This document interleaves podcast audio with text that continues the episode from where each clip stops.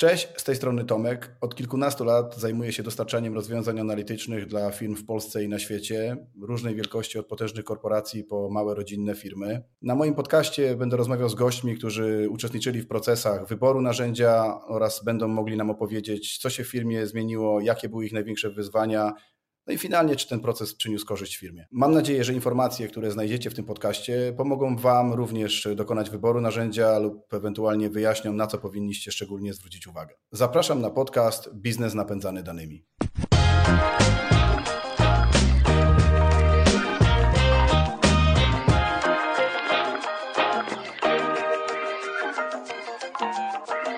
Witam Was serdecznie w podcaście Biznes napędzany danymi. E, dzisiejszy podcast e, trochę w innym stylu. E, zazwyczaj rozmawiamy wprost czysto o biznesie. Dzisiaj może nie wprost, ale po drugiej stronie mamy osobę, która również będzie się dzieliła z nami wiedzą i informacją na temat analizy danych. Mm, niekoniecznie w, sporcie, niekoniecznie w biznesie, przepraszam, ale właśnie w sporcie. Po drugiej stronie jest Jakub Czaja, jego osoba związana ze sportem wiele, wiele, wiele lat. Myślę, że dużo lepiej o sobie opowie e, sam. Ja ze swojej strony e, zawsze mm, będę podchodził do tematu sportu w biznesie bardzo poważnie. Ja uwielbiam pracować ze sportowcami albo z biznesmenami, którzy kiedyś byli związani ze sportem. Jakub, e, olimpijczyk z 2004 roku z Atlanty, to jakby tutaj wyżej to już trudno spojrzeć, więc... Aten. Z Aten. Z Aten. A, w Atlanta wcześniej, oczywiście, że wcześniej, przepraszam. Ale, ale to dobrze. Y, jakby, to znaczy, że jakby się, że się słuchamy. Ale tak, 2004 rok, y, zawsze powtarzam, że chyba nie można w sporcie spojrzeć wyżej niż y, olimpiada, więc tutaj, czy Igrzyska Olimpijskie, bo olimpiada to jest ten okres między igrzyskami. Więc Jakub, w kilku słowach jakbyś o sobie powiedział. Jestem ze sportem związany od 10 roku życia. Byłem tak naprawdę na Igrzyskach Olimpijskich w 2004 roku na dystansie 3000 metrów z przeszkodami startowałem.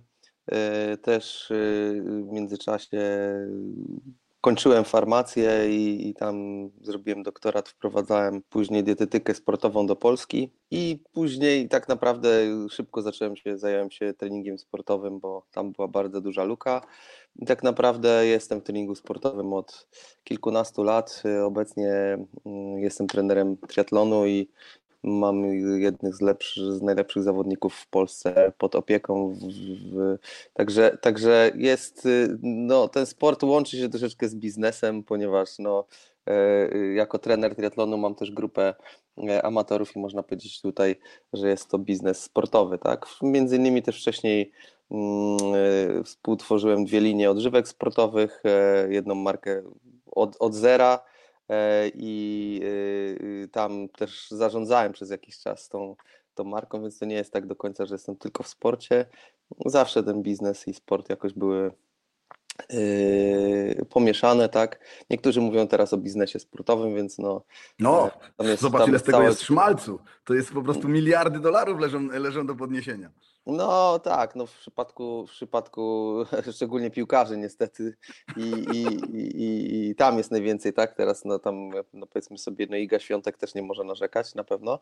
Yy, w lekkiej atletyce czy w triatlonie no już jest troszeczkę E, e, troszeczkę, no, no zdecydowanie no. mniejsze, mniejsze, mniejsze kwoty wchodzą w grę. Mm, e, natomiast y, y, no, żyjemy tak jak chcemy. Ja jestem w triatlonie, jestem zadowolony i też oczywiście troszeczkę nadal w lekkiej atletyce, więc y, jest ok.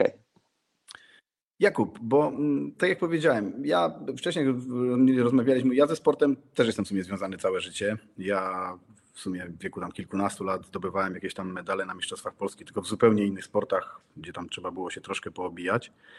E, jednakże, tak jak ja pamiętam sport, przynajmniej ten, z którym ja miałem kontakt, to tam z analityką zbyt wiele wspólnego e, nie było. Generalnie chyba raczej to była próba charakteru i taka była mm, wtedy chyba baza trenerska w tym obszarze.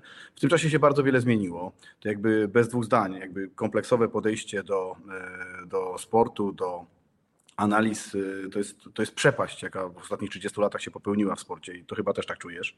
Y, ja powiem szczerze, że próbując y, mm, natrafić na jakieś takie informacje a propos analiz w sporcie i w ogóle, w dużej mierze większość informacji można znaleźć a propos, nie wiem, właśnie takich analiz bukmacherskich, wiesz, hazardów w sporcie, oceny prawdopodobieństwa wygrania drużyna, tego typu rzeczy. ale jak się trochę głębiej poszuka, to zaczyna się taka naprawdę, bym powiedział, głęboka statystyka.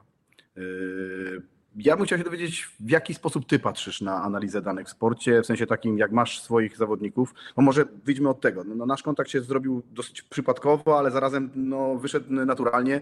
Jako Data Wizard byliśmy sponsorem człowieka, który pomimo swojego seniorskiego wieku, nie oszukujmy się, mm, jest triatlonistą z bardzo imponującymi wynikami. Yy, Darek Drapela, który teraz w Stanach Zjednoczonych yy, w Ironmanie, no po prostu wiesz, szacun ponad wszystko, jeżeli chodzi o efekty, które osiąga. Mhm. I stąd też jakby twoje miejsce i twoja rola. Yy, tak, tutaj się znalazłem tak jak rykoszetem, że tak powiem. Yy, yy, znaczy, analiza danych yy, bukmacherskich to jest jedno, tak? Znaczy, to, to, to jest tam tak, tak naprawdę statystyka. Yy, yy, tu w, w sporcie takim, jakim są sporty indywidualne, czyli tam powiedzmy sobie, no, głównie sporty wytrzymałościowe, tu się mogę wypowiadać. Danych, danych do analizy Kiedyś no, za dużo nie było poza wynikiem, czystym wynikiem, jeżeli chodzi o mm, wynik y, na zawodach, tak? Y, drugie dane to były po prostu dane uzyskane z treningu, tak? Gdzie widział trener klikając stoper, mm, co może zrobić i gdzie ten zawodnik jest i troszeczkę to było na, e, na czuje, na oko trenera, że tak powiem, było bardzo dużym, miało bardzo duże znaczenia. To w latach 90. już zdecydowanie bardziej popularne stało się wykorzystanie tętna, e, które no, pierwsze zegarki Polar tam wprowadzał w latach 90. i e, e, później weszły konkurencyjne firmy typu tam Garmin i tak dalej. Mm, I tam człowiek już widział, o jest coś takiego jak tętno. Okazało się, że zawodnicy nie mają takiego samego tętna jeden ma wysokie, drugie ma niskie, mm, a czują podobnie, tak? Wprowadzało się skalę zmęczenia 1 mm, do 10, czy tam 1 do 20, skalę. Mm, niektórzy z tego korzystali, niektórzy nie. I to trener wiedział już coraz więcej, tak? No bo możemy mieć zawodników, którzy biegają na tym samym poziomie, w takiej samej budowie morfologicznej, czyli, czy morfotycznej, czyli mają ten sam wzrost, tą samą wagę i tak dalej, mają nawet ten sam wiek, a podobny wynika, jeden będzie miał tętno maksymalne 200, drugi będzie miał 180, trzeci będzie miał 160 i od tego tętna się wychodzi. Później zaczęto wprowadzać kwas mlekowy, pomiary kwasu mlekowego, który teraz ludzie szaleją, tak? Zresztą sam akurat działam w biznesie kwasu mlekowego, bo z kolegą jesteśmy dystrybutorem jednego z urządzeń na Polskę. Natomiast Jakich? Róbmy już reklamę, jak już rozmawiamy, to rozmawiamy. Lactat Plus, Lactat Plus urządzenie do pomiaru kwasu mlekowego. E, akurat amerykańska technologia, niemiecka produkcja, naprawdę bardzo dobry sprzęt. Coraz więcej zresztą zawodników topowych przechodzi na nasz sprzęt. W triatlonie to bardzo dużo już ma e, tych top, topowych, coraz więcej amatorów sięga. Natomiast też wchodzimy w lekką atletykę, teraz między innymi mm, mistrzyni Europy Ola Lisowska, y, cała grupa Jacka Kostrzeby, mm, teraz Natalia Kaczmarek, medalistka, złota medalistka Igrzysk Olimpijskich w sztafecie 4x400, Adriana Sułek, wicemistrzyni Europy, wicemistrzyni świata, tak? To są osoby, które już korzystają i powoli mamy zapytania od kolejnych osób. No ale jakby wracając do tematu kwasu mlekowego, no to e, ja już ponad 20 lat temu miałem na prostych urządzeniach mierzony też ten kwas mlekowy, czyli dochodziło tętno no, korelacja z tym kwasem mlekowym, żeby wyznaczyć po prostu realnie strefy wysiłkowe. I teraz do tej pory to funkcjonuje, tak oczywiście to się, że tak powiem, zwiększa się jak gdyby dokładność i precyzję pomiarów, tak? I dzięki temu tak naprawdę jesteśmy w stanie w tej chwili w przeciągu kilkunastu sekund określić, y, jaki jest poziom kwasu mlekowego w zależności od wykonanego treningu i tym treningiem zaczynamy sterować, tak? To nie jest tak jak kiedyś, że trener coś zaplanował i jest sławne powiedzenie, gdzie y, zmienia się pogoda na, na zimą tak i, i świętej pamięci Honorat Wiśniewski, trener biegów wytrzymałościowych, mówi do zawodników w kadrze narodowej, panowie, warunki się zmieniły, ale założenia pozostają te same, tak? No takich, takich rzeczy w tej chwili nie ma. Oczywiście tam chłopaki biegali bardzo ciężki trening e, interwałowy, część z nich go nie przetrwała, nie? E, także, e, także teraz troszeczkę, teraz już to wszystko wprowadza się coraz więcej danych, które mówią o tym, gdzie zawodnik jest, zawodniczka, co możemy z tym zrobić. Tak naprawdę trener sobie coś planuje, trener widzi zawodnika, ale jeżeli dostaje informację zwrotną w typu właśnie pomiar tętna, e, kwas mlekowy, teraz są jeszcze e, urządzenia y, mierzące HRV, tak, no to jest tam, dotyczy to nie samego, znaczy te, również tętna, ale to jest, dotyczy tak naprawdę już zmienności tego tętna w ciągu, w ciągu minuty, tak, jak ono się też tam zmienia, są E, urządzenia typu tam łup, e, ostatnio Garmin też to wprowadził, tak, które pozwalają e, określać, czy zawodnik, oczywiście zbierając dużą ilość danych, są w stanie określić, czy ten zawodnik się dobrze zregenerował po poprzednich treningach, czy nie, tak, no bo one mierzą i sen, i, tą, i samo tętno spoczynkowe, jeszcze jego zmienność, właśnie ten współczynnik HRV i dzięki temu tak naprawdę widzimy na liczbach, czy ten zawodnik się regeneruje, czy nie. E, oczywiście kolejnymi danymi to są zwykłe badania krwi, tak? No to, to, to coś, co, y, co y, w bardzo dużym y, stopniu możemy wykorzystać, tak? No bo jeżeli ja mam przykładowo zawodnika czy zawodniczkę, która, która wykonuje regularnie badania krwi i widzę, że jak coś się zmienia, to też widzę, jak mogę sterować powiedzmy sobie oczywiście w rozsądnym zakresie. Nawet poprzez dietę. Y, poprzez dietę, poprzez suplementację, mhm. y, też samym treningiem, y, to czy, czy, czy, czy, czy dana osoba teraz nadaje się do ciężkiego treningu, czy nie. Tak? Ostatnio właśnie był taki, bardzo fajnie to pokazywał Błażej Brzeziński z Olą Brzezińską, to jest takie małżeństwo maratończyków, gdzie Błażej teraz trenuje Ole, jak kontrolują taki parametr między innymi jak CK, tak, kinazę kreatynową, która pokazuje na tyle, ile Ola się tam regeneruje mięśniowo, regeneruje. tak, i, mhm. no i oni po prostu trening układają też pod to, czy ona się zregenerowała, czy nie. Nie, tam, że kartka zmieni, mm, znaczy plan, plan na kartce jest i trzeba go realizować, tylko, e, tylko to się zmienia. Tak? I, I e, ja dostając różnego typu dane, tak, jestem w stanie y, y, ten trening, y, ten trening modyfikować. Tak? Zresztą mm, sam działam przez platformę, praktycznie największą platformę mm, treningową na świecie, bo to też jest, to jest ogromny biznes, tak? jeżeli chodzi o, o sport. Platforma, akurat ja korzystam z Training Peaks, tak? ale Garmin ma swoją platformę, Polar ma swoją platformę i tak Tunto dalej. i tak, tak wszystkie po kolei, nie? Tak, ale naj, najbardziej, najbardziej jakby taką zunifikowaną platformą platformą jest Training Peaks. I co, do niej, też, wgrywa, do niej wgrywasz te dane to jest taki kalendarz, urządzeń? Tak, tak. On mhm. się łączy z Garminem, z Polarem, z TomTomem, z Sunto, różnymi firmami, tak, z Wahoo, tak, bo to z Wahoo jest bardzo mocno w kolarstwie rozwinięte.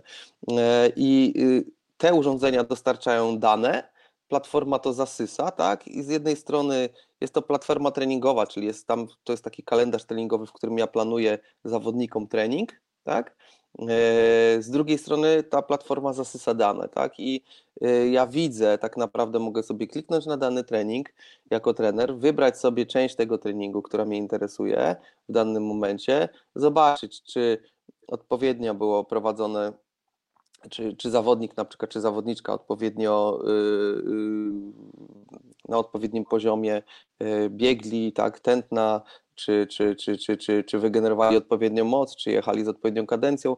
Najciężej y, do analizy y, w tego typu platformach y, jest, najcięższe jest pływanie, dlatego że część ludzi w ogóle nie pływa z, z zegarkiem, mhm. ale teraz są też urządzenia, które pozwalają na śledzenie tętna podczas pływania, tak, są takie chipy tutaj, między innymi Polar ma na, na okularki, tak, gdzie można sobie te tętno sprawdzać, tak, e, robiąc oczywiście testy tętno versus e, zakwaszenie, możemy sobie te strefy e, poustawiać, tak, oczywiście jeszcze jest wyższy level, gdzie można wykonywać pomiary VO2 max już bezpośrednio z maską, tak, i też analizować dane, jeżeli chodzi o gazy wydechowe.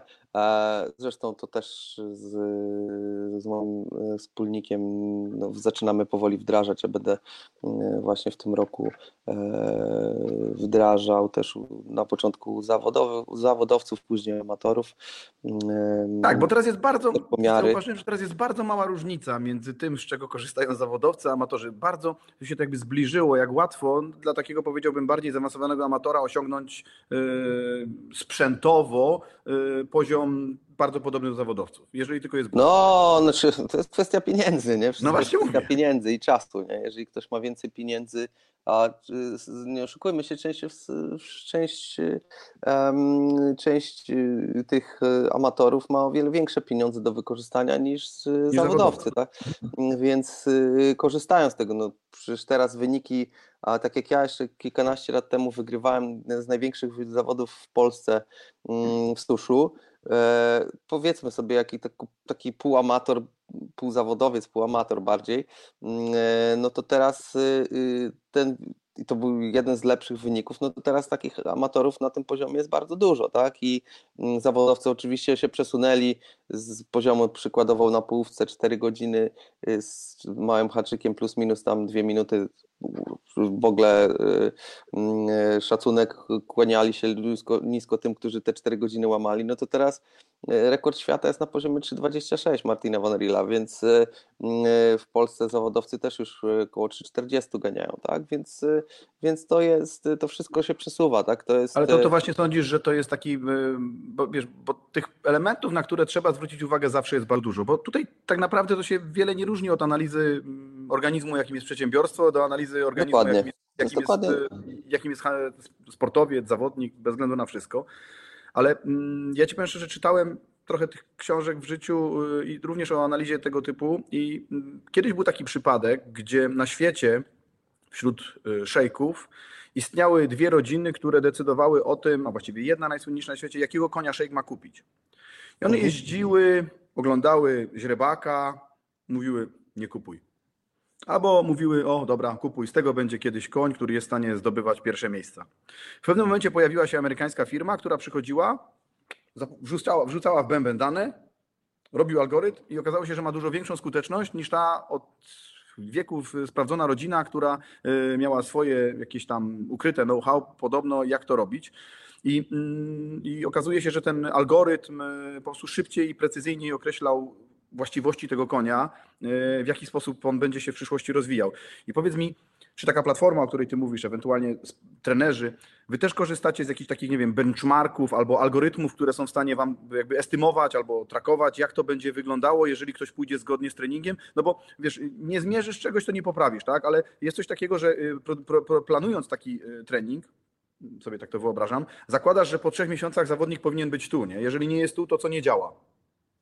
Czy no, tak okay, to, to jest, to, to byłoby super, nie? No samo Training Peaks działa na algorytmie, tak? I E, oznaczał, tam jest między innymi skala zmęczenia, jak ten zawodnik się regeneruje, czy to, no tylko te algorytmy nie są doskonałe.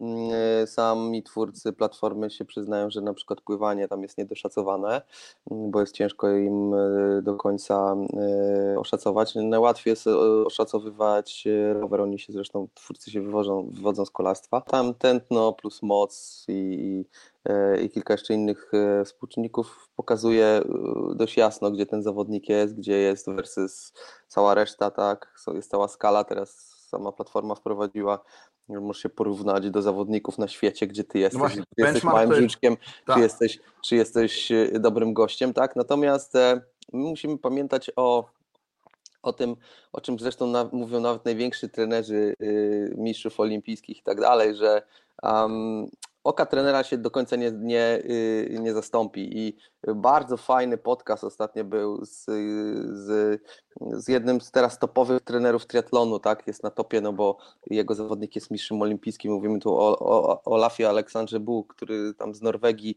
się wywodzi. To jest super analityk, oni generalnie po prostu wprowadzili um, triatlon na inny poziom ze względu właśnie na analizy. Goście super fizjologiem, analizują właśnie i gazy oddechowe, i kwas mlekowy, stąd zresztą w triatlonie teraz jest taki boom na kwas mlekowy. Trochę dla mnie to jest troszeczkę takie e, śmieszne pod tym kątem, że ja w lekkiej atletyce już 20 lat temu badałem kwas mlekowy i teraz wszyscy się tym podniecają, a myśmy z trenerem po prostu, no ok, mieliśmy może troszeczkę mniej dokładne urządzenia, ale to kontrolowaliśmy. E, natomiast e, wszyscy się teraz triatlonie podniecają, że tego. Ja się oczywiście cieszę, bo to znaczy, że ludzie zaczynają myśleć i zaczynają te strefy dobrze wykorzystywać, tak? Natomiast ten analityk, który właśnie gościu jest naprawdę bardzo dobry, wszyscy mówią, że jest bardzo dobry i i, i, i zresztą wprowadzają masę urządzeń związanych ze sportem na rynek, właśnie testując między innymi z, z właśnie z tymi topowymi e, triatlonistami. Powiedział ostatnio jedną bardzo ważną rzecz, że jest wielu dobrych trenerów starej szkoły, którzy nie są w stanie podążyć za tą nową technologią, mm, ale mimo wszystko mają oko trenerskie, widzą też e, zawodnika na, na co dzień, tak? I mm, ja oczywiście tam, gdzie mogę, dlatego też bardzo dużo jeżdżę, że tam, gdzie mogę, to patrzę na tych moich zawodników, czy to wiadomo, zawodowców to zawodowców, ale też e, bardzo często spotykam się z amatorami, tak, na różnych tego typu treningach i widzę, jak oni wyglądają, tak? No bo mówię, ja sobie mogę coś zaplanować, tak, ale nie jestem w stanie wychwycić tego, czy ktoś miał ileś tam godzin pracy, tak, albo jak spał, nawet zawodowiec, tak? Mhm. Okej, okay, w, w sporcie zawodowym wspomniany łup troszeczkę już zaczyna pomagać, tak, bo widzę, mm, czy ten zawodnik się rzeczywiście zregenerował, czy jest dętka, nie? Ale to jest urządzenie, które tam funkcjonuje tak naprawdę na rynku od niecałych dwóch lat. Znaczy, rozumiem, że to jest coś bardziej zaawansowanego niż to, co nam mówi zegarek y, po nurkowaniu. Znaczy, po nurkowaniu to akurat jest precyzyjne, tak? Bo mi po nurkowaniu zegarek mówi, że nie mogę zrobić nurkowania jeszcze przez tyle i tyle czasu, bo mi się muszą wysycić gaz, azot i bla, bla, bla. No, ale to też są, to też są adaptacje. Ale to uśredniona jakaś tabela robiona na paru tysiącach żołnierzy, tak? którzy dokładnie, dokładnie. To przeżyli, tak jak... a nie umarli po kolejnym nurkowaniu, tak? Zawodnik zrobi jakiś tam trening i mu zegarek pokazuje, musisz leżeć przez 48 godzin, bo się nie zregenerujesz, tak? A tak naprawdę mm, wychodzi następnego dnia jest ok, nie? Więc. E, bo to jest pewnie to... uśrednione, a zawodowiec tak, no. jakby regeneruje się lepsza suplementacja, lepsza też regeneracja, y, jakby pod wieloma względami, no to jest nieporównywalne, tak? Jakby pod tym względem. Dokładnie, nie, no to jest też tak, że my musimy, mówię, z jednej strony jak najbardziej wszystkie algorytmy się wykorzystuje, ja też wykorzystuję, tak, różnego typu testy, tak, dają mi pewien obraz. Widzę, że dana osoba jest tu, gdzie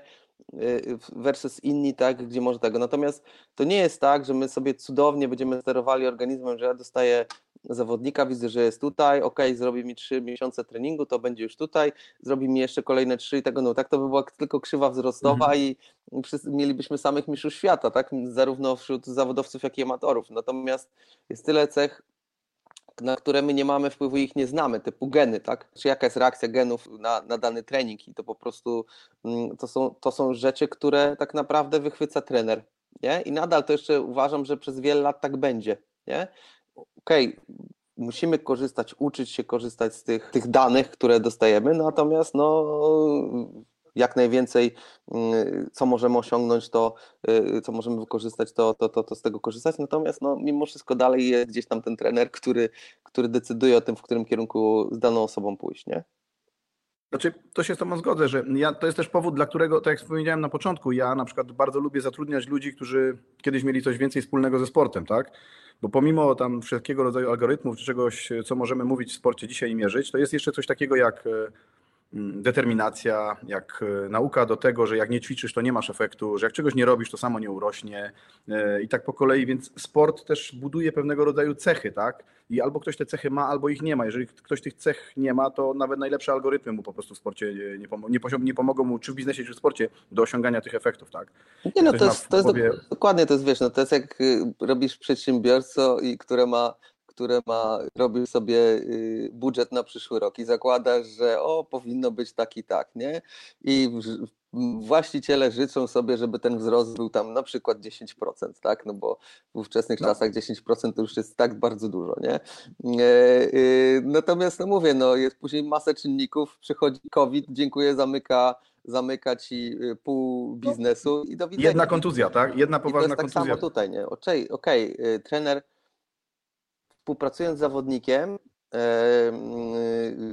stara się znaleźć najlepsze rozwiązanie, tak? Niestety nikt nie jest alfą i omegą, nikt, to nie jest tak, że nigdy się nie popełnia błędów, e, pewne rzeczy wiesz właśnie, że popełniłeś kiedyś błąd i teraz już na bazie tego tworzysz inne rozwiązania, i, które, które zaczynają być skuteczne. Oczywiście im więcej tych danych będzie potencjalnie jest to lepiej, natomiast y, y, czasem po prostu jak masz za dużo danych, to też nie jest dobrze, bo zaczynasz już po prostu za dużo kombinować, nie? I myślę, że to jest w każdej dziedzinie życia, to nie jest, znaczy mówię, tutaj fajne porównanie dałeś, że, że, że tak naprawdę i biznes, i, i organizm człowieka to cały czas gdzieś tutaj staramy się z różnych stron to formować, tak, różnymi pomysłami, różnymi e, formami działania.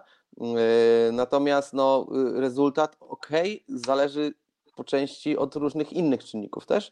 Nawet w przypadku sportu od zaangażowania zawodnika, tak? No bo trener może, może być super, ale zawodnik nie do końca zaangażowany, tak? I, i wtedy to też się rozmywa, tak? A tutaj w, w sporcie to mówisz jeszcze bardzo fajnej rzeczy, bo mój dobry znajomy jest e, takim jakby psychologiem sportowym. I to też pokazuje, jak to trochę taka nieimamentna część e, sportu, jak może mieć olbrzymi wpływ na wyniki, tak? E, I jakby tutaj cały, serdecznie pozdrawiam Przema, jakby, jak będzie oglądał podcast. I jakby on tutaj też mówi o takiej części, która no, często jest nieczysto trenerska, tak? Mm, która też mocno wpływa na wyniki sportowe, to ta, ta kwestia zaangażowania czy tego mindsetu.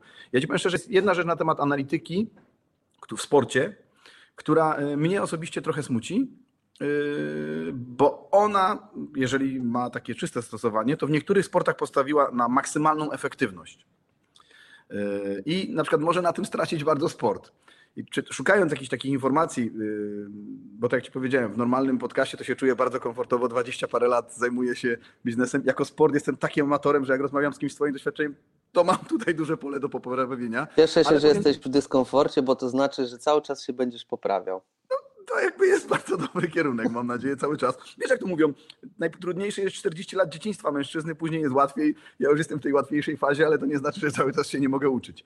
Ale idąc w ten desen, na przykład ostatnio rozmawiałem z moim e, kolegą z pracy i on mi skazał na taki bardzo ciekawy element analizy, gdzie ktoś zaczął analizować e, w koszykówce. E, I że okazało się, że wystarczy mieć 35% skuteczność, żeby mieć taki sam wynik w meczu, jak z rzutów za 3, jak ktoś, kto rzuca z 50% skutecznością z rzutów za 2. Jak zapuszczono algorytm, to nagle się okazało, że największa skuteczność jest z rzutów za 3, plus grania spod samego kosza. Co spowodowało, że obecnie gra w NBA jest coraz bardziej nudna, bo nie ma praktycznie rozsądnej obrony, tylko gra spod kosza, bo oni są niesamowicie rozbudowani, są wielcy i gra trójek, gdzie ktoś potrafi walnąć 15 trójek w meczu i załatwić wynik, nie? Mm, I to poniekąd y, no, zniszczyło trochę finezję gry, nie? Tak w piłce nożnej, jak nawet z dzieciakiem się jest, nie wiem, w Monachium na stadionie i podchodzisz do takiego wielkiego ekranu, wybierasz sobie zawodnika, mówisz podania crossowe, z którego miejsca, oni otagowani, ileś tam kamer na całym e, stadionie i nagle widzisz wszystkie akcje, gdzie ktoś dostał w to miejsce na polu i w ogóle, nie? To już jest takie naprawdę, bym powiedział, e, no powiedziałbym takie inżynieryjne zarządzanie grą, nie? Nie no tak, ale no właśnie niestety y, y, dane zabijają finezję w wielu sportach. Popatrz sobie na wielkie tury kolarskie. Kiedyś nie było słuchawek w uszach, zawodnicy nie byli informowani dokładnie jaka jest strata i tak dalej. I te tury często stają się nudne, bo grupa lidera tak kontroluje wyścig, że wie mniej więcej na ile może pozwolić sobie, żeby puścić. Oczywiście czasem zdarzają się niespodzianki, całe szczęście to jest piękne sportu, e, bo wtedy y, tak naprawdę najciekawsze te wyścigi są wtedy, kiedy tak naprawdę bardzo dużo się zmienia, tak? No, w tym roku akurat było bardzo ciekawie, tak? No bo przykładowa walka Pogaczara z, z Winego z y, Jumbo Visma okazała się bardzo ciekawa, tak? I bardzo ciekawym turem jest, y, ja najbardziej lubię akurat y, Giro d'Italia, no, sercem jestem związany z Włochami, ale Giro d'Italia i, i, i, i Vuelta, bo one są bardziej nieprzewidywalne niż, niż Tour de France, tak? Które już wszyscy mówią, ok, jest wielki Tour, ale już jest tak przewidywalny często, że ludziom się... Z ładnych parę lat wygrywał koleś, który zdrowo, zdrowo oszukiwał, nie? No, no tak, ale właśnie i teraz y, to jest, ja, dlaczego ja wspominam o kolarstwie, co prawda pracuję w triatlonie i wodzę się ale w kolarstwie... Najbardziej skoksowanym sportem na świecie. Y, właśnie kiedyś było, teraz już tak nie jest, y, natomiast dlaczego o tym mówię? Dlatego, że właśnie kiedyś bardzo dużo dał doping, a później weszły właśnie dane. Weszły pomiary mocy, e, analiza tętna, analiza kwasu mlekowego i tak dalej. I co się okazało? Że to, co kiedyś ludziom się wydawało, że mogą zrobić tylko za pomocą dopingu, nagle się okazało, że mądry trening, który jest oparty o, o pomiar mocy, przerwy, mm, odpowiednio dobrane i tak dalej, są różne systemy, tak, które, które to też pozwalają monitorować. Okazuje się, że przez mądry trening można zrobić o wiele więcej niż ci ludzie, którzy robili y, wcześniejsze wyniki na koksie, nie? To I, niesamowite jest. To i, akurat i, zaskoczyłeś mnie bardzo. Tak, no i czasy, informacja. Jak sobie, porównasz, jak sobie porównasz czasy podjazdów, tak, najprostsza rzecz, czas podjazdu gdzieś tam jakiegoś segmentu, tak, e, w oparciu o strawę, tak, strawę masz bardzo dużą Mm, platformę, w której spotykają się różne sporty, że tak powiem, i ludzie siebie śledzą, sprawdzają swoje rekordy i tak dalej, tak? Y, niektórzy mają po prostu korbę na tym punkcie, tak? tak. Każdy tak Nie ma treningu, jak nie włączy, jak nie włączy, jak nie, włączy, nie, tak, nie jak koma nie zrobi gdzieś tam na jakimś tam tego, no to też troszeczkę jest śmieszne, bo to doprowadza do sytuacji, w której y, ścigamy się z wirtualnym czasem kogoś, który jechał w innych warunkach i nawet w zeszłym roku mieliśmy przypadek, że, y, że y, część osób się poskładała na rowerach, goniąc za jakimś tam rekordem na zjeździe. Nie? Także to też jest, bywa niebezpieczne. Natomiast ja mówię o czymś innym. Jeżeli porównamy sobie czasy podjazdów, kiedyś, a dzisiaj, to okazuje się, że ci goście dzisiaj podjeżdżają jeszcze mocniej. Nie? Mm, e, e, e, Tadej Pogaczar robi takie komy, tak zwane, tak właśnie te, te rekordy na, na, na podjazdach, które są mm, no, w ogóle nieporównywalne z tym, co jeździli kiedyś, tak? pomimo, że to byli herosi. Tak? I to pokazuje, jak dane, którzy zostali trenerzy, mądrzy trenerzy i zostali i potrafili je wykorzystać, przy, oczywiście wpletli to w trening, zaczęli obserwować, ok, jeżeli dany zawodnik na przykład na danym, w danej strefie pojedzie taką i taką długość treningu, tak, mm, y, y, to jak on zareaguje, tak, mm, y, sprintera, jak trenować, tak, czy ma jeździć odcinki 5-sekundowe, 7-sekundowe czy 10-sekundowe, czy 20-sekundowe, co mu to da, jak gdzie on się znajdzie i tak dalej. I to są dane, które które my uzyskujemy, tak? I tak samo, no, oczywiście to przyniosło się i na bieganie, i na pływanie, tak? Obserwujemy, mm, e, e, jeżeli zawodnik mi biegnie w tym tempie, na tym poziomie tętna, tak? Mm, e, jak, jak to się przekłada później na wynik sportowy I, i, i te dane bardzo mocno zmieniły sport, akurat tutaj w bardzo korzystnym świetle, no bo liczy się nie tylko to, ile my biegamy na przykład, tak, mm, że biegamy na przykład 300 kilometrów bo są tacy goście, którzy dochodzili takich tego w, w wartości w tygodniu, tak, potrafili po 270-300 km biegać, nie, w jednym tygodniu, nie, e, teraz okazuje się, że dużo osób biega po 200, przykując się do maratonu, ale ten trening jest o wiele lepszy jakościowo, tak, właśnie dzięki danym, tak, i też yy, yy, naprawdę trening w tej chwili staje się coraz mądrzejszy, tak, oczywiście to jest i plus i minus, bo um, z jednej strony dbamy o to, żeby zawodnik się szybko regenerował i maksymalnie adaptował, natomiast z drugiej strony y, brakuje takiej finezji, którą mają mistrzowie i y, y, ja mówię, korzystam z danych, ale z drugiej strony jestem bardzo dużym fanem też tych, którzy mają tą finezję i um, przykładowy, przykładowo w zeszłym roku, bo to już jesteśmy w nowym roku, ale w zeszłym roku pod koniec roku były Mistrzostwa e, Świata Ironman na Hawajach no. i jest zawodnik e, Darek sam, sam, sam, tak, Darek też tam startował. E, jest zawodnik Sam Laidlow, który generalnie mało korzystał z pomiaru kwasu, tak jak Norwegowie i tak dalej. Nagle się okazało, że gościu tak poszedł mocno, że wszystkich zadziwił sam mówił, że w okresie przed trening, przedstartowym, ok, wykorzystał kwas mlekowy, ale skorzystał z kilku pomiarów, tylko żeby się upewnić, mm, y, żeby, że wszystko jest ok, na jakich watach ma jechać, tak? I poszedł w bank, tak? I nie, nie, nie mierzył się 15 razy dziennie, że tak powiem, tak jak Norwegowie, tylko po prostu czuł swój organizm, tak? I mhm. poszedł mhm. w bank, y, narobił stracha Norwegom, okej, okay, jeden z Norwegów wygrał, Dafiden, tak, y, ale już Christian Blumenfeld był trzeci, tak, nagle wielkie zaskoczenie, jaki sam Laidlaw, co, co to za gościu, tak? Zresztą mm, czwarty zawodnik Australii Newman podobnie jak Laidlaw y, trenował, tak, że nie wszyscy chcą być skoszarowani, siedzieć w laboratorium i tylko i tylko leżeć i pachnieć, że tak powiem, i mm. trenować. Niektórzy chcą też normalnie żyć, ale też mocno trenować, tak? Więc gdzieś, gdzieś yy, yy, ta finezja w niektórych zawodnikach jest i to też jest fajne, no bo yy, jeżeli my wszystkich tak bierzemy tylko w cyferki, to, to y, pamiętajmy, to jest tak jak w badaniami krwi. Badania krwi, jeżeli sobie weźmiesz te, te, te normy, tak? a ja badania analizuję krwi od kilkunastu lat, y, zresztą z bardzo dużą ilością nawet czołowych polskich sportowców pracuje, to te badania krwi, jak sobie spojrzymy, to one dotyczą 97% populacji, tak? Y, średnia plus dwa odchylenia standardowe, 97% populacji. Mamy 3% populacji, które się w te badania nie łapie, tak? I nagle się okazuje, że jeny, tutaj ludzie robią dramat, a ja już na przykład wiem, patrząc na badania, że no okej, okay, już miałem ileś tam takich przypadków, no tak się zdarza, bo y, taki trening może powodować, że, że pewne parametry będą poza, nie? I... No tak, ale to już jest, to, to już się nazywa e, baza doświadczeń, nie? To no tak, jest... no właśnie i o tym mówię. Ale to znowu są dane, ale słuchaj. Y, tak, ale jak, ubierzemy, To znowu są dane, tylko te dane, które wynikają z twojego doświadczenia. No, no tak, no właśnie o tym mówię, tak? I, i, i, I to wszędzie tak będzie, w biznesie też tak masz, tak? Ja sobie też tworząc linię z Y, odżywek sportowych z, z jedną y, z moich koleżanek, mieliśmy taki mały zespół, tak? Też zakładaliśmy sobie pewne rzeczy, tak? No okazało się, że weryfikacja z rynkiem nam wydawało się, że będą super pomysły, ekstra, kurna, to nie może nie zagrać. Nagle się okazywało, że kurna, no, no lipa, jest lipa. Wiesz, lipa postrzeganie... a, a, z dupy, a z dupy, brzydko mówiąc, y, pomysły, nagle się okazywało, wow, kurna, nie? Ci ludzie jednak chcą czegoś takiego, nie? Znaczy, wiesz to ja powiem Ci tak, bo ja widziałem, że Ty studiowałeś Kurczę, powiem Ci, że dzisiaj nawet pierwszy raz słyszałem tą nazwę, tę nazwę, przepraszam. Yy, bro... Bromatologia. O, bromatologia, dokładnie. Zobacz. Nauka jakości żywności i żywienia. Znaczy to jest jeden z przedmiotów na farmacji, nie? Ja Jasne, ale rozumiem, ale generalnie mm, ja Ci powiem szczerze, bo ja suplementację, ponieważ ja jestem tam po trzech przypadkach y, poprawiania swojego zdrowia poprzez chemię, y, to mm, no, na temat suplementacji i przyjmowania różnych, jak to potocznie mówiąc główien, y, no trochę mogę powiedzieć, tak?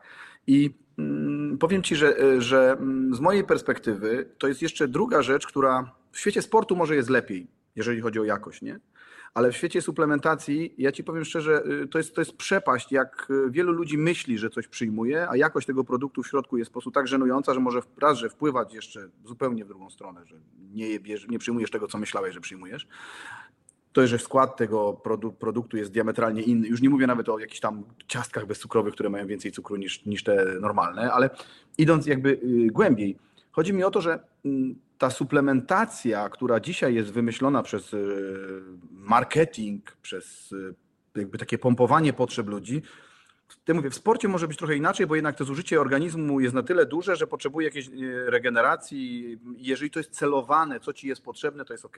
Ale dzisiaj mnóstwo ludzi też przyjmuje preparaty, które są im zupełnie niepotrzebne, ale marketingowo im wytłumaczono, że powinni je brać, a nikt się nie zajmuje tym, co je, bo może w zupełności w zwykłej diecie możesz sobie tego dostarczyć wystarczająco i tak jak mówię, no nie mówię o kimś, kto ma wysiłek sportowy powyżej e, średniej, tylko że po prostu można by było zwykłą dietą doprowadzić się do prawidłową dietą do, do takiego zdrowego e, funkcjonowania organizmu.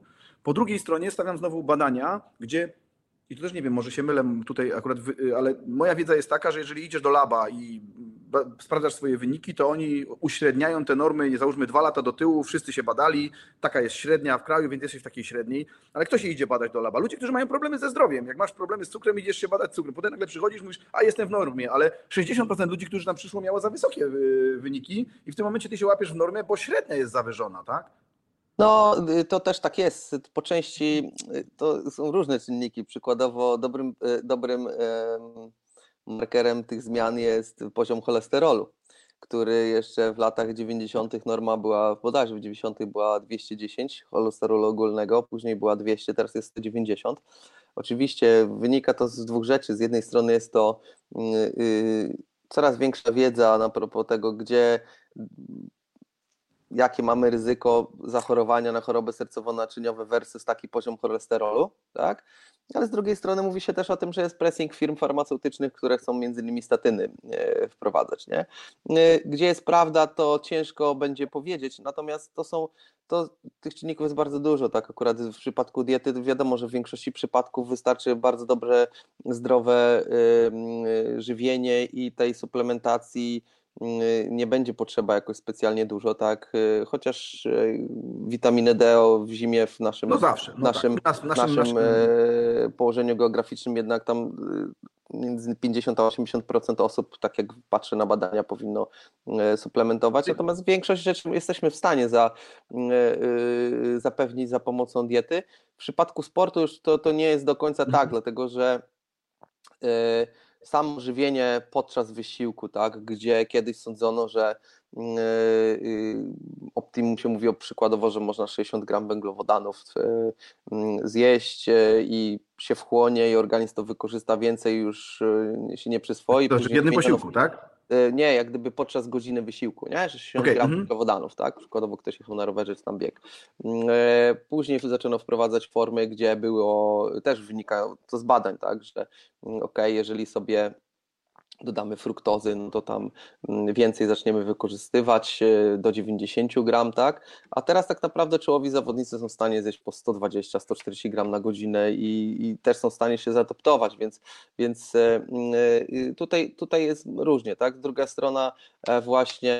Prawie 500 kalorii z węglowodanów tak, czołowi zawodnicy na godzinę są w stanie tyle zjeść. No to jest y, teraz przykładowo Ironman to są mistrzostwa w jedzeniu i piciu. To nie jest tylko kwestia jak w, formu, w formie jesteśmy, tylko że jedzenie zadbasz o to, żeby mieć dobre paliwo, dobre dostarczanie i też jesteś w stanie to zaadoptować, tak? Jesteś w stanie to mm -hmm. przyjąć. No tak, tak, właśnie to, o tym mówię. No przecież to, to, to są bardzo duże ilości, wiadomo, nie? No więc, więc to też jest bardzo ważny element, nie? który też się też trenuje, tak? I to też mm, po prostu to wynika z czystej nauki danych, które ludzie osiągali, bo są wręcz, wręcz jeden z, z takich standardowych badań, które oczywiście przeszłość y, y, było jakby takim początkiem, tak? Właśnie zaczęto badać zawodników na różnego typu mistrzostwach triatlonowych, tak? Czy to Mistrzostwa Świata, Europy tam jeszcze chyba dwa czy trzy wyścigi wyszły tego i sprawdzalnie ilość węglowodanów versus wynik na mecie, no to się okazało, że, że tak naprawdę ten, który zjadł najwięcej, wygrał, nie? Był w stanie zjeść, yy, po prostu przyswoić taką ilość. Oczywiście to, to, to, to, to się wytrenowało, natomiast mówię, to są dane, które dostarczają naukowcy, nie? To mówię, możemy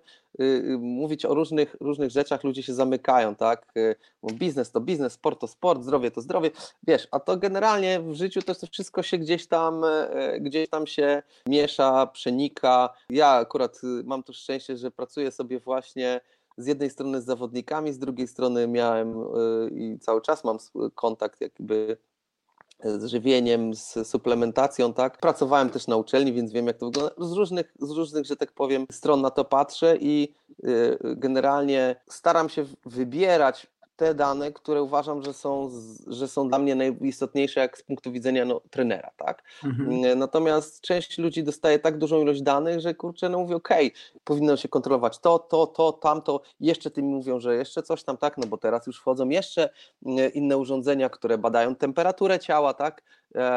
które, e, które przykładowo badają natlenienie, natlenienie mięśni, tylko jest kwestia jeżeli my dostajemy tak dużą ilość danych, a naprawdę w sporcie teraz jest bardzo duża ilość danych, to jest nie, to jest nie, myślę, że to jest, jeżeli popatrzymy sobie, co możemy skontrolować u danego zawodnika, jest, byśmy założyli wszystkie urządzenia, które są dostępne na świecie, to jest tak duża ilość danych, której y, w biznesie nie masz, w żadnym biznesie. No, zobacz Formułę 1, zobacz sobie Formułę 1, ile wysyła, ile wysyła danych na sekundę, nie?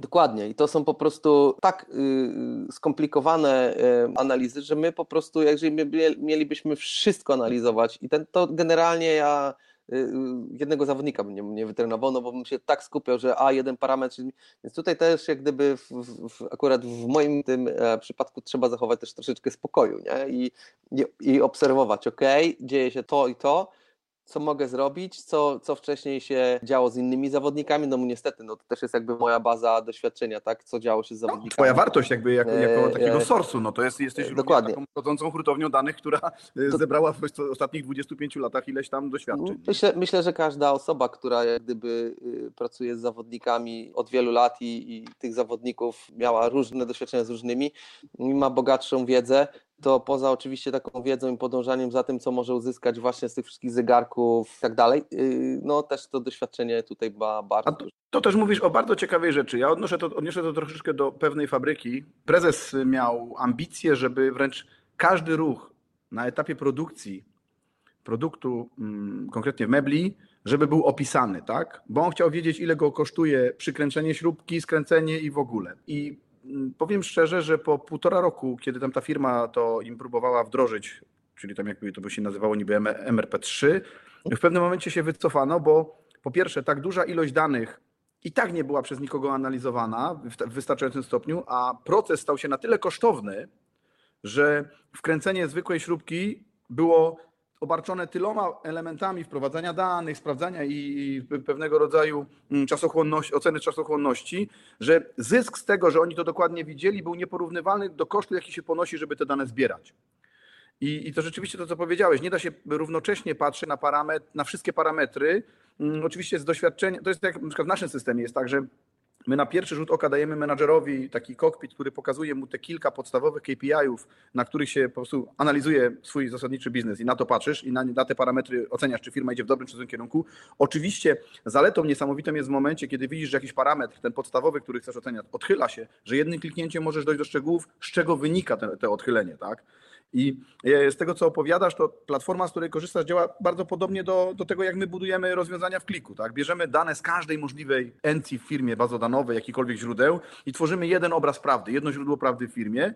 No ale to nie jest tak, że ty cały czas patrzysz na wszystkie dane w firmie. No to, to, to jakby, oczywiście pewnie, gdybyś miał sztab ludzi, to część by patrzyła na dane takie, ten, część na takie, część na takie, a pewnie raz na jakiś czas byłaby jakaś tam konsultacja wszystkich, którzy uzgadniają e, całość procesu. Na przykład kiedyś oglądałem, jak to chyba było z Phelpsem, jak pływał i sprawdzano, puszczano go w takim tunelu aerodynamicznym, gdzie on podczas płynięcia e, wykonywał swój techniczny ruch i sprawdzano, czy to jest optymalne i tam komputerowo modelowano ruch, którym powinien się poruszać, wręcz prawie jak aerodynamika, aerodynamika w samochodzie. No ale można sobie wyobrazić, że no, tego typu poziom inwestycji, który potrafi e, osiągnąć Związek Pływactwa w Stanach Zjednoczonych jest raczej nieosiągalny dla większości innych związków e, na świecie, tak? No i tu się mylisz akurat, bo to jest, to nie wynika, to, to akurat nie jest tunel aerodynamiczny, tylko to jest basen przypływowy. Jest wiele miejsc w Polsce, w którym można mm -hmm. to robić, między innymi w Bydgoszczy na Astorii jest super, e, super e, miejsce, gdzie stworzono właśnie tak, tak, takie, taki basen do analizy z czterech stron idzie kamera, idzie oczywiście prąd i można to... A to tylko świadczy, że technologia spowszechniała, tak? Bo to, to technikę, to technikę tego, tak? Tylko to jest kwestia, kwestia tego, jak my to wykorzystamy, tak? E, tak samo to, że teraz ludzie jeżdżą tak szybko na rowerach nie wynika z tego, że generują o wiele większą moc niż kiedyś, tylko, rowery tylko, mają, tylko mają po prostu pozycje pozmieniane, tak? Zresztą mój zawodnik Tomek Szala kolegami stworzył cały kurs, e, jak właśnie jak to poprawić, tak? Zresztą zachęcam e, tych, którzy chcą, są, są, są, są zainteresowani do właśnie do kontaktu z Tomkiem. E, oni cały czas pracują na tym właśnie, jak poprawić pozycję. Nie? Ile, to, ile to może zmienić? Okazuje się, że kiedyś jeździli 300 W, teraz też jeżdżą 300 W, tylko kiedyś to 300 W dawało 40 mm, tam powiedzmy sobie 2 na godzinę, tam 41,5, y, y, a teraz daje 44,5, nie? E, I się okazuje, że to są zupełnie inne prędkości, jak kiedyś ktoś pojechał 2,7 na rowerze, to był po prostu przekocur, a teraz jeżdżą goście po godzinę 58, gdzie nawet tam te 310 daje im 45,5 na godzinę, tak? I nagle się okazuje, że można, nie? Po prostu są aerodynamicznie tak ustawieni, sprawdza się stroj i tak dalej. To nie jest tylko tunel, tunel, bo ja jestem jeszcze z czasów, kiedy naprawdę miałem zawodników, to amatorów, którzy do tunelu jeździli już 10 lat temu, tak? I teraz się wszyscy mówią wow, tak i tak dalej. Tak okazało się, że Y, że tunel tunelem, a tak naprawdę bardzo dużo rzeczy można zrobić na torze, nie? Jeżeli ktoś ma odpowiednie narzędzie i teraz takie też się dysponuje, zresztą jeden z moich kolegów, Kuba Pieniążek, którego pozdrawiam, pracuje w tej chwili w jednej z, z lepszych drużyn kolarskich w Israel Cycling Academy i oni tam też robią bardzo dużo to, to, testów na torze, tak? Zresztą jego zawodnicy też byli mistrzami Polski jeździe na czas, tak? Między innymi Kamil Gradek i, i okazuje się, że można te dane uzyskiwać z różnych miejsc, dlatego też trzeba mm, y, tutaj y, Mówię, siła marketingu, mówię, siła marketingu. Właśnie siła marketingu to jest, to jest i kwestia, mówię, to ona sięga tak naprawdę tego zwykłego żuczka, który tam, brzydko, brzydko mówiąc, nie, oczywiście nie chcę nikogo urazić, mm, który siedzi przed telewizorem i słucha tego, co mu y, mówią, co ma jeść i nagle bierze garść tabletek, tak, gdzie ich mhm. nie potrzebuje. Mm, z drugiej strony y, biznes jest oparty o marketingu, tak? No to y, każda firma chce mieć to e, super rozwinięte i mówić, kupisz tak, y, kupisz to, to dostaniesz tamto, tak? I, i tak samo jest w sporcie. Skorzystaj z tego, zobacz, tu jest możliwość, tam jest możliwość, a ty stoisz z boku i sobie myślisz, ok, ale czy to rzeczywiście będzie działać, tak? Mhm. I teraz już zaczyna funkcjonować, ale kiedyś zaczynał wprowadzać monitoring natlenienia, tak? Mięśnia, tak? Który miał się przekładać na poziom kwasu mlekowego i tak dalej, tak? Zanim dopracowano tę technologię, to minęło 10 lat. Ja już to tam, czy 8 czy 10 lat, ja już 8 chyba lat czy 10 temu się spotkałem z tym, obiecywali cuda i tak dalej, okazywało się wtedy, że to, że to w ogóle nie działa, tak? Dopiero teraz zaczyna to, to poprawiać i zaczyna to funkcjonować, tak? Ja, mój znajomy ma teraz nawet takie komory, do której można się pójść, położyć, y, poleżeć godzinę y, i tam się jakoś natlenić. y. No tak, ale to jest jakby, to jest jakby... Inny, oczywiście inny, inny, inny inny, produkt, nie? To, to, to ja mówię o urządzeniach, które Mhm. masz ze sobą na treningu, tak? Czyli masz takie zwykle opaski, które ci tam z mięśnia najczęściej czworogłowego tam szczytują, tak? Mm, I możesz, okej, po, po tym możesz mniej więcej wiedzieć, czy ty jesteś w tlenie, czy nie, natomiast to też jeszcze mimo wszystko ta technologia nie jest tak e, super e, rozwinięta, jak powinna być, tak? Co prawda właśnie Norwegowie widzę, że tam pracują na tym, spoko, fajnie, będziemy mieli więcej danych, może to też nas do czegoś doprowadzi, tak? Natomiast spójrzmy na to realnie, że na przykład w sporcie, jakim jest lekka atletyka, nie? Nadal y, okej, na ma- w maratonie przesunięto się super mocno, ale z czego to wynika? Nie tylko z treningu, tylko też no, nie oszukujmy się z technologii, która została dostarczona zawodnikom, tak? Buty z płytką karbonową, które pozwalają biec y, no, szybciej, no to, to każdy mówi, tak? To jest, jeżeli jesteś przygotowany do biegania w bu- butach z płytką karbonową, masz odpowiednio przygotowany układ mięśniowy, przesuwa cię to w, w maratonie o, o kilka minut. Uważam, że Eliud Kipchoge jest super zawodnikiem, jest totalnie fenomenalnym gościem, ale bez płytki z karbonem ciężko byłoby mu złamać e, dwie godziny w A maratonie. to na czym polega e, fenomen tej płytki z karbonem, jakbyś mógł w dwóch słowach powiedzieć? Bo akurat ja E, w zupełności nie mam zielonego pojęcia. No jest, no buty po prostu mają płytkę karbonową, teraz już Gustav Iden nawet miał dwie na, w konach, miał buty, które by w lekkiej atletyce nie przeszły, bo są nieprzepisowe, miały tam za wysoką podeszwę, w lekkiej też się już właśnie to ograniczyło, tak, żeby nie wypaczać sportu, tak, karbon po prostu lepiej y, transferuje y, odbicie na prędkość, tak, i oczywiście jak się ma szczególnie tylne partie mięśniowe przystosowane do tego, tak, no bo to trzeba wytrzymać, no Mhm. to po prostu z danego kroku, z danej mocy po prostu zyskuje się większą prędkość. To można sobie właśnie wyobrazić, że to musi być mocno kontuzjogenne, bo mm, ja powiem Ci, pamiętam, był kiedyś taki boom na takie buty, ja już nie pamiętam, ale palczaste, Vibram, bo tam, nie wiem, jacyś Indianie w górach biegali, z tym zrobili. Połowa ludzi sobie to kupiła, no tacy zupełnie amatorzy i wszyscy po trzech miesiącach praktycznie nie chodzili i leczyli Achillesa, nie? Nawet nie Achillesa, tylko rozcięgno podeszwowe, źle się przygotowywali, ale właśnie do tego też trzeba było się zaadaptować. No takich te technologii było y, różne i teraz no mówię, no y, to, to, to wprowadzono, jeżeli chodzi o buty, ale z drugiej strony mamy masę technologii, z której korzystamy i co się okazuje, y, do tej pory rekordy na wielu dystansach na stadionie nie są pobite. Okej, można mówić, że kiedyś może to był koks, nie wiem, ciężko mi powiedzieć, tak, ale Nie złapano za rękę. nie złapano za rękę, to nadal no 7,20 na trójkę Daniela Komena y, jest w ogóle poza zasięgiem jakiegokolwiek zawodnika, jakiegokolwiek mistrza olimpijskiego. Najlepszy kolejny wynik jest 7,24, 4 sekundy na tym poziomie to jest po prostu przepaść, tak? Y, y, 3,26 y, na 1500 Algerusza nadal jest nieruszone, tak? Okej, poprawiają się właśnie te wyniki takie powiedzmy sobie średnie, jeżeli popatrzymy, tak? Coraz więcej Mhm. osób biega poniżej 28 minut na dychę, właśnie moim zdaniem też dzięki nie tylko treningowi, ale dzięki technologii, ale tych wyników poniżej 27 już minut, szczególnie wśród białych, tak, którzy mają tą dostęp do tej technologii, nie ma. Dlatego mówię, że to też y, dane danymi, które jesteśmy w stanie korzystać, ale w sporcie takim, jakim ja działam, triatlon, tak, jeżeli popatrzymy sobie na mm, wyniki, które osiągają najlepsi zawodnicy, to od kilku lat, jak sobie zresztą Światowa Federacja Triatlonu robi często takie statystyki, to te wyniki można podzielić sobie na poszczególne konk- konkurencje. Tak, nadal ludzie nie pływają szybciej w triatlonie niż pływali kiedyś, nie? Jakoś tam znacznie, tak? No, może zdarzy, oczywiście zdarzają się przypadki, tam ktoś szybciej popłynie, ale to nie jest jakoś tak, że nagle te wyniki poszły nie wiadomo jak. Ja mówię o, o, o sporcie kwalifikowanym, tak? Bo w sporcie kwalifikowanym, czyli dystansie sprint, super sprint czy olimpijka, tak? Mm, Nadal biegają szybko, tam około 30 minut, 29, ale nie biegają 28, tak? Yy, yy, Bardzo duża poprawa poszła właśnie dzięki Norwegom na tych dłuższych dystansach, bo tam po prostu poziom trenowania był słabszy, nie? I, i, i to rzeczywiście, jak dojdą do pewnego poziomu, to te wyniki nagle też już nie będą się tak poprawiać, jak, jak No właśnie to co, to kiedyś, czyli nie? sugerujesz, że to jest po prostu w jakimś stopniu w pewnym momencie ograniczenie organizmu i jeżeli czegoś nie przełamiemy, patrz, koksy, patrz, technologia, to to po prostu dalej nie pójdzie? Y, Ciężko mi, nie no, myślę, że to będzie powoli szło, ale nie będzie szło tak szybko jak e, y, przykładowo poziom na dystansie olimpijskim czy, czy sprincie, super sprincie, nie praktycznie y, poziom jego zmiany tak jest podobny jak w lekkiej podczas gdy y, konkurencje, które miały, no, którzy goście jednak trenowali z dużą fantazją, tak, typu Ironman, byli super, tak, ale teraz jest takich gości na pęczki, jak kiedyś, tam był jeden, dwa. Kiedyś sądzono, że cudem jest złamanie 8 godzin na Hawajach, a teraz goście przychodzą, nie startując nigdy na Hawajach, 7,40 tam 3 tam Idon robi, nie? I nagle się okazuje, że tego, tylko że poziom wyjściowy tego, tego, tej dyscypliny był po prostu słabszy, nie?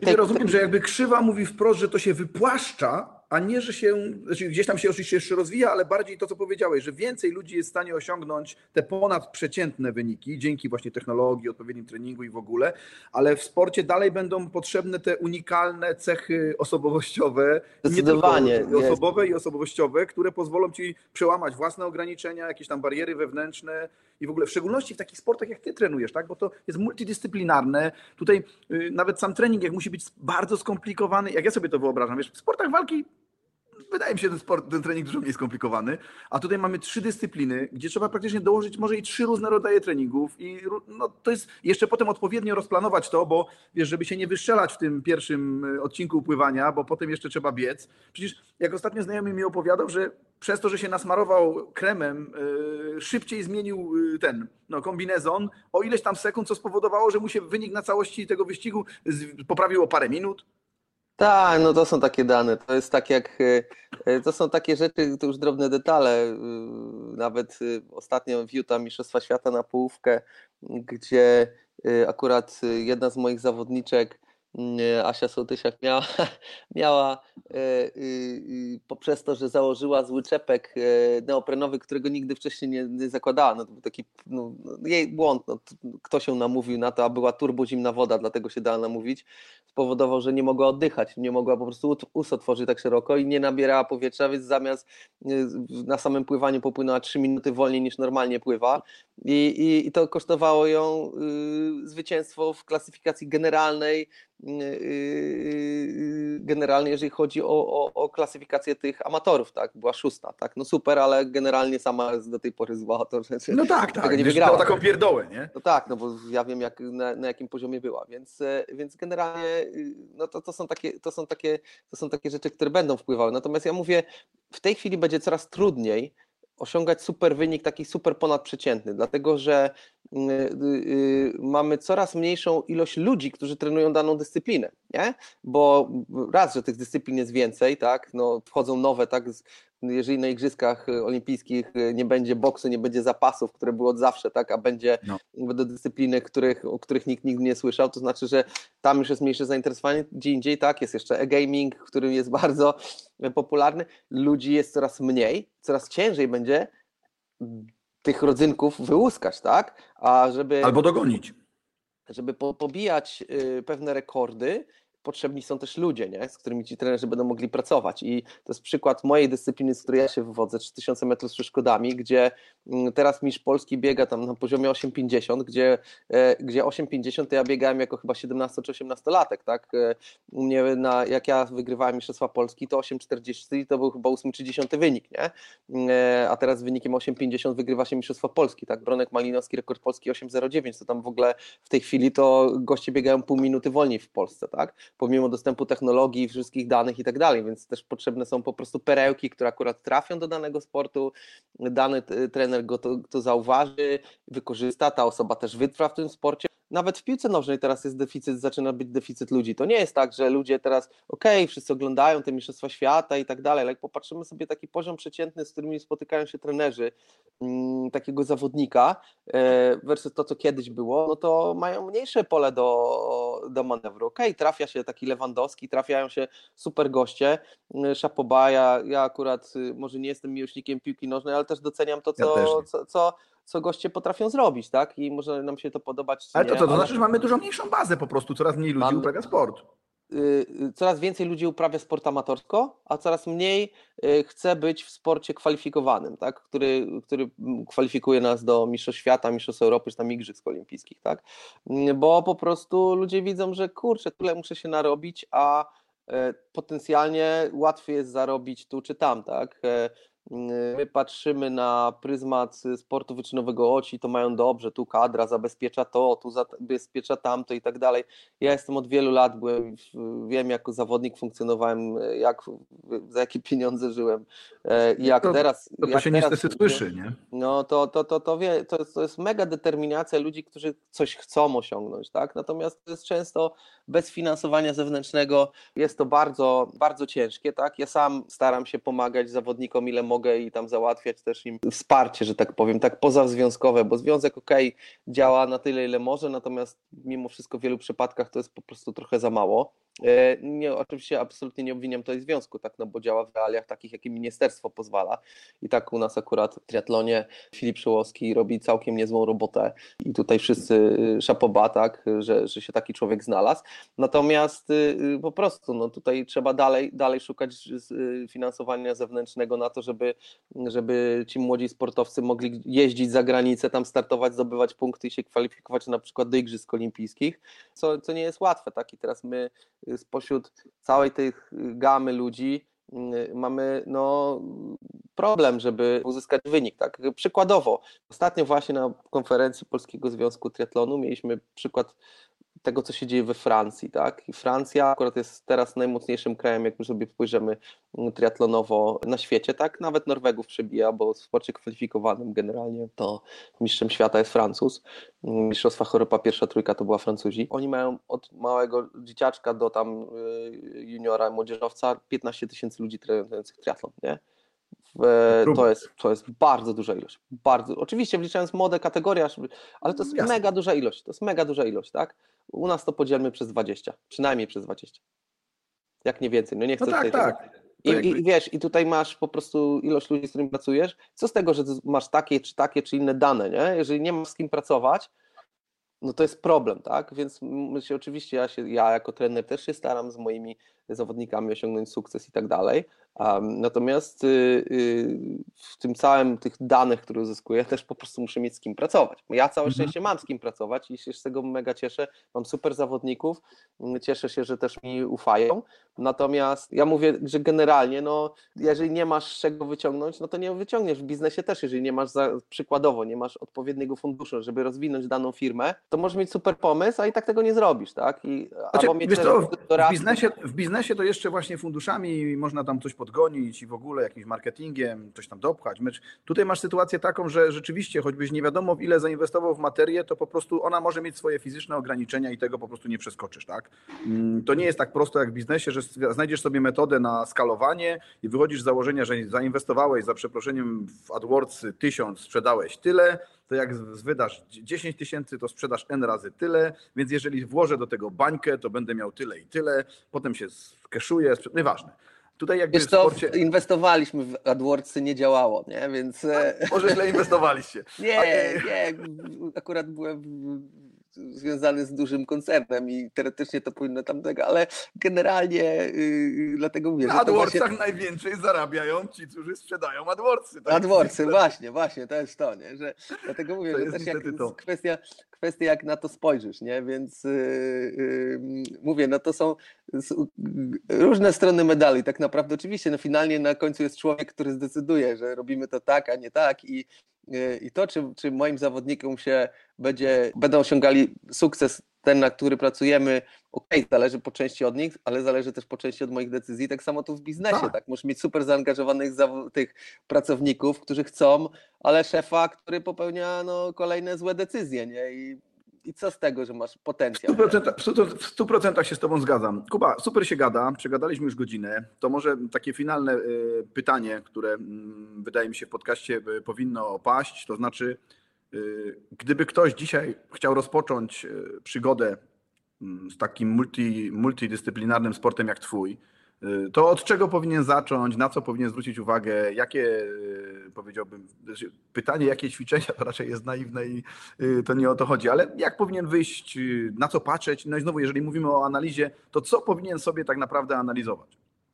E, przede wszystkim, jeżeli chodzi o, o, rozpoczęcie, to nie powinien kupować za dużo gadżetów, którym oferuje rynek na początek. Przepraszam, to może takie trochę niebiznesowe, ale e, właśnie nie dać się od razu tam wszystko tego. Na pewno potrzebuje zegarek z pomiarem tętna. To jest dla mnie kluczowa sprawa. No taki zwykły zegarek, który zmierzy mu czas na basenie i, i na rowerze i na podczas biegania, tak? Bo to będzie dla niego najważniejsze dane. Tętno to jest pierwsze i, i, i, tak naprawdę dla nawet czołowych niektórych trenerów najważniejszy czynnik, ważniejszy niż kwas mlekowy. Ja to akurat y, y, lubię korelować sobie te dwie rzeczy. Natomiast y to będzie pierwszy jego zakup, który, który mu wystarczy, tak? No i zaczyna wchodzić do wody, zaczyna biegać, jeździć na rowerze. Na początek musi się po prostu nauczyć to wykonywać prawidłowo, więc dobrze akurat w wodzie, żeby jednak ktoś tam spojrzał w jakiejś tam grupie, sobie popływał, tak? Jeździć na początku na rowerze, czy, czy na początku biegać można samemu, dopiero jak się dochodzi do jakichś tam lepszych wyników, to można zaczynać myśleć o pracy z trenerem, tak? I okej, okay, albo chcesz sobie po prostu ułożyć, tak? No bo też mam, ja pracuję z takimi osobami, które, które po prostu nie wiedzą, jak to ułożyć, ja im pomagam, tak? I okazuje się, że taka systematyczność daje im bardzo dużo, zanim jeszcze wprowadzimy te większe bodźce, nie? E, więc y, to są takie rzeczy, które powinniśmy po prostu zacząć z głową, nie? I y, zacząć od podstaw, jak widzimy, że, że te podstawy jest ok, ale potrzebujemy czegoś więcej, no to zaczynamy sobie myśleć o planie treningowym, o tym, jakby to ugryźć tak? Szczególnie w tretlonie, tak? No bo teoretycznie plany treningowe są dostępne nawet w internecie, każdy może sobie przeczytać, ale zaczyna się problem, jak coś się rozchorujemy, coś, y, coś nie wyjdzie, coś ominęliśmy, co zrobić i tak dalej, tak? I, I tutaj pojawia się trener, który to rozsądnie układa, nie? I oczywiście też nie zniechęcać się na początku tym, że jesteśmy słabsi, tak? Szczególnie w wodzie, bo jeżeli nie mamy odpowiedniej techniki, to możemy super wytrzymali. Ja tak kiedyś miałem, tak zaczynałem z triatlonem. Co z tego, że byłem w stanie przepłynąć 3 kilometry bez problemu, tak? Jak to były prędkości, jak to moja żona mówi, wyszedłem za e, kobiet, kobietami w ciąży z wody na pierwszych moich zawodach, nie? E, e, no, no więc, więc mówię, motor to motor, ale też trzeba po prostu szczególnie w wodzie mieć pewne takie zdolności techniczne, tak? Umiejętności techniczne, żeby z tą wodą nie walczyć, a żeby wykorzystać ją, nie? I dlatego też mówię, że tutaj jednak warto, żeby jednak prawidłowo się na początku nauczyć pływać, nie? jeżeli chodzi o triatlon. Nie chodzi, mówię o prędkości, ale żeby właśnie odpowiednio nauczyć się oddychać, odpowiednio układać. też jeszcze dobrze ręce trzymać przed głową, żeby dobrze... Tak, nie tak, nie krzyżować tak e, z osią głowy i tam, no różne są e, jak gdyby aspekty, jeżeli chodzi o, o technikę biega, pływania. Tak, natomiast na rowerze e, czy na bieganiu też już najpierw się rozjeździć i później też, też myśleć o tym, jak się jeździ, jakie ja mam zdolności, bo to jazda na rowerze jest, teoretycznie każdy prawie, że potrafi jeździć na rowerze, a okazuje się, że jak, jak zaczynamy jeździć w grupie, czy zaczynamy jeździć na zakrętach, to te nasze umiejętności nawet zwykłego hamowania są złe, tak? Ja, ja generalnie zaczynam od tego, żeby ludzie się nauczyli hamować na rowerze, bo ludzie nie potrafią hamować na rowerze, tak? Boją się użyć przedniego hamulca, hamują tylnym i się okazuje, że ich rowery wpadają w poślizg, tak? Dlatego no, gdzieś tam trzeba się też nauczyć tylnego, no, poczytać sobie nawet są super filmy w internecie, jak hamować, nie? Na rowerze. To są, mówię, to jest taki banał, ale to jest y, mega no, ważne. tego się składa element, całość, nie? nie? I, i, I na bieganiu oczywiście teoretycznie każdy umie biegać, tak? Tak, ale jednak warto, żeby ktoś tam spojrzał na ciebie z boku i zobaczył, że rzeczywiście no, czy ty dobrze biegasz, czy, czy, prawidłowo to wygląda, czy nie, nie. I tu są takie rzeczy, są takie tego już, oczywiście ja mówię o następnym etapie, tak, ale żeby dojść do tego, no to trzeba być rozjeżdżonym czy rozbieganym, tak. Też trzeba zadbać o to, żeby tam troszeczkę ten wzmocnić brzuch czy grzbiet, ale to na początku naprawdę wystarczą ćwiczenia w domu, tak, jakieś zwykłe core stability, tam jakieś pompeczki, nie, podciągania i tak dalej, nie. I mówię, też mierzyć siły na zamiary, bo ludzie po prostu e, często by chcieli szybkich sukcesów, nie? Szybkie sukcesy, ale też ludzie zaczynają od e, za długich dystansów zdecydowanie, czyniąc sobie krzywdę. Nie? E, zapominają o tym, że wytrzymałość jest bardzo łatwo zbudować versus szybkość. Nie? A jeżeli nie mamy szybkości, to później kończy się po, pod koniec stawki, tak, kiedy już wszyscy kibice poszli do, do domu, tak, a ty kończysz, bo jeszcze jest tego. Nie? To moim zdaniem nie jest zachęcające później do kontynuowania dyscypliny, tak? no bo mm, każdy chce mieć jakąś tam satysfakcję, ale nikt nie lubi być na końcu. Nie, nie znam takiej osoby, która lubi być na końcu. Nie? E, nawet jeżeli to uprawia super amatorsko tego, no to, to nie chce być tak, że wszyscy już piją kawkę i tak dalej, już się cieszą tymi medalami, niektórzy już pojechali do domu, a ty jesteś cały czas na trasie. Nie? To jest taki bieg, nie? że meta jedzie za tobą, nie? To też szybko tak. wyłącza tych, co są z tyłu. No, e, Wings for Life, tak? Muszę Wings for Life. E, jest, nie? Więc, więc mówię też, e, jeżeli chcemy mieć satysfakcję, to zacznijmy od krótszych dystansów, popracujmy nad prędkością, nad tym, żeby, żeby jak najszybciej pokonywać dany dystans. Poza tym też ludzie też nie zdają sobie sprawy, że tak naprawdę to są najcięższe wyścigi, tak? bo tam jest wszystko na dużej intensywności. Później tam te wszystkie Ironmany i tak dalej. Ja byłem, kończyłem Ironmana poniżej 9 godzin i wiem jaki to jest wysiłek. Jest, jest ok, ale to nie jest, to jest daleko, daleko od tego jak ja kończyłem 3000 metrów z przeszkodami, nie? Ja tam po prostu biegałem na metę i padałem i nie byłem w Mhm, stanie do odcięcia, nie? godziny, nie? A tutaj, no okej, nogi, nogi mnie bolą, jest, jest zmęczenie, ale to nie jest taki poziom, że, że goście po prostu, no no okej, no ogląd- czasem są firmy, gdzie tam ludzie patrzą, jak się na czworaka wchodzą na metę na kona, no ale to wynikało z odcięć energetycznych, a nie tak, z takiego dokładnie, ze złego przygotowania. typowo od- oddechowo-krążeniowego, które Mhm. jest zdecydowanie y, groźniejsze i długo się po, dużo dłu- długo się po nim dochodzi, nie? Więc, więc y, zacznijmy najpierw od tych krótkich dystansów, wyćwiczmy sobie y, szybkość, wytrenujmy szybkość, a dopiero później idźmy wytrzymałość, nie? Także e, no i pamiętajmy o tym, żeby też pić i jeść na tych triatlonach, nie? Żeby nie, nie wszystko na głodnego, nie? Jakub, dziękuję Ci bardzo za rozmowę. Super mi się z Tobą rozmawiało. Jeżeli nasi słuchacze będą mieli jakieś pytania, to pewnie gdzieś zbierzemy i pozwolimy sobie jakoś tam podesłać. Wiem, że jesteś hiper zawalony ilością treningów i wszystkiego, więc jakby w żadnym wypadku nie będziemy Ci zawracać głowy, yy, żeby w jakikolwiek sposób kogokolwiek z naszych słu- słuchaczy linkować z Tobą, ale jeżeli coś będzie, to pozwolę sobie po prostu podesłać na maila z, z pytaniem. Jasne, zapraszam, zapraszam do kontaktu, też zapraszam do A Ty masz wspierania. właśnie jakąś swoją stronę, bo ja pamiętam, że Ty miałeś taką stronę, na której... Aktywnadieta.pl O, Aktywnadieta.pl Aktywnadieta.pl Tak, y, natomiast też zapraszam do wspierania y, fundacji y, Kuby i Agnieszki Gebhartów. E, To jest fundacja, która działa na rzecz triatlonistów. E, Jeżeli ktoś y, y, jakiś procencik tam na koniec rozliczeń rocznych chciałby przekazać, a nie ma pomysłu, e, albo po prostu wesprzeć polskich triatlonistów, to ja właśnie współpracuję z, z fundacją, tak właśnie kilka e, osób z biznesu już się udało namówić, żeby tam właśnie wspierały moich zawodników i właśnie poprzez fundację to robią. Także, także y, y, tutaj no, taka, taka forma reklamy na koniec, ale no, no mówię, zawsze w tym y, sporcie jest to cenne. Oczywiście jesteśmy otwarci na różne tam działania marketingowe, tak? E, Także Jasne. zapraszam y, i jak śmiało też oczywiście jakby jakieś pytania poza triatlonowe, to, to śmiało. Super. Jeszcze raz wielkie dzięki. To był podcast Biznes napędzany danymi. Dzisiaj może nie do końca e, czysto biznesowo, ale jak widzimy jest wiele przecięć e, analizy w sporcie e, i danych. Z mojej perspektywy takie patrzenie na danych po prostu potrafi pokazać rzeczywistość w bardziej obiektywny sposób. Więc jeszcze raz wielkie dzięki za poświęcony czas i do usłyszenia. Dzięki, pozdrawiam.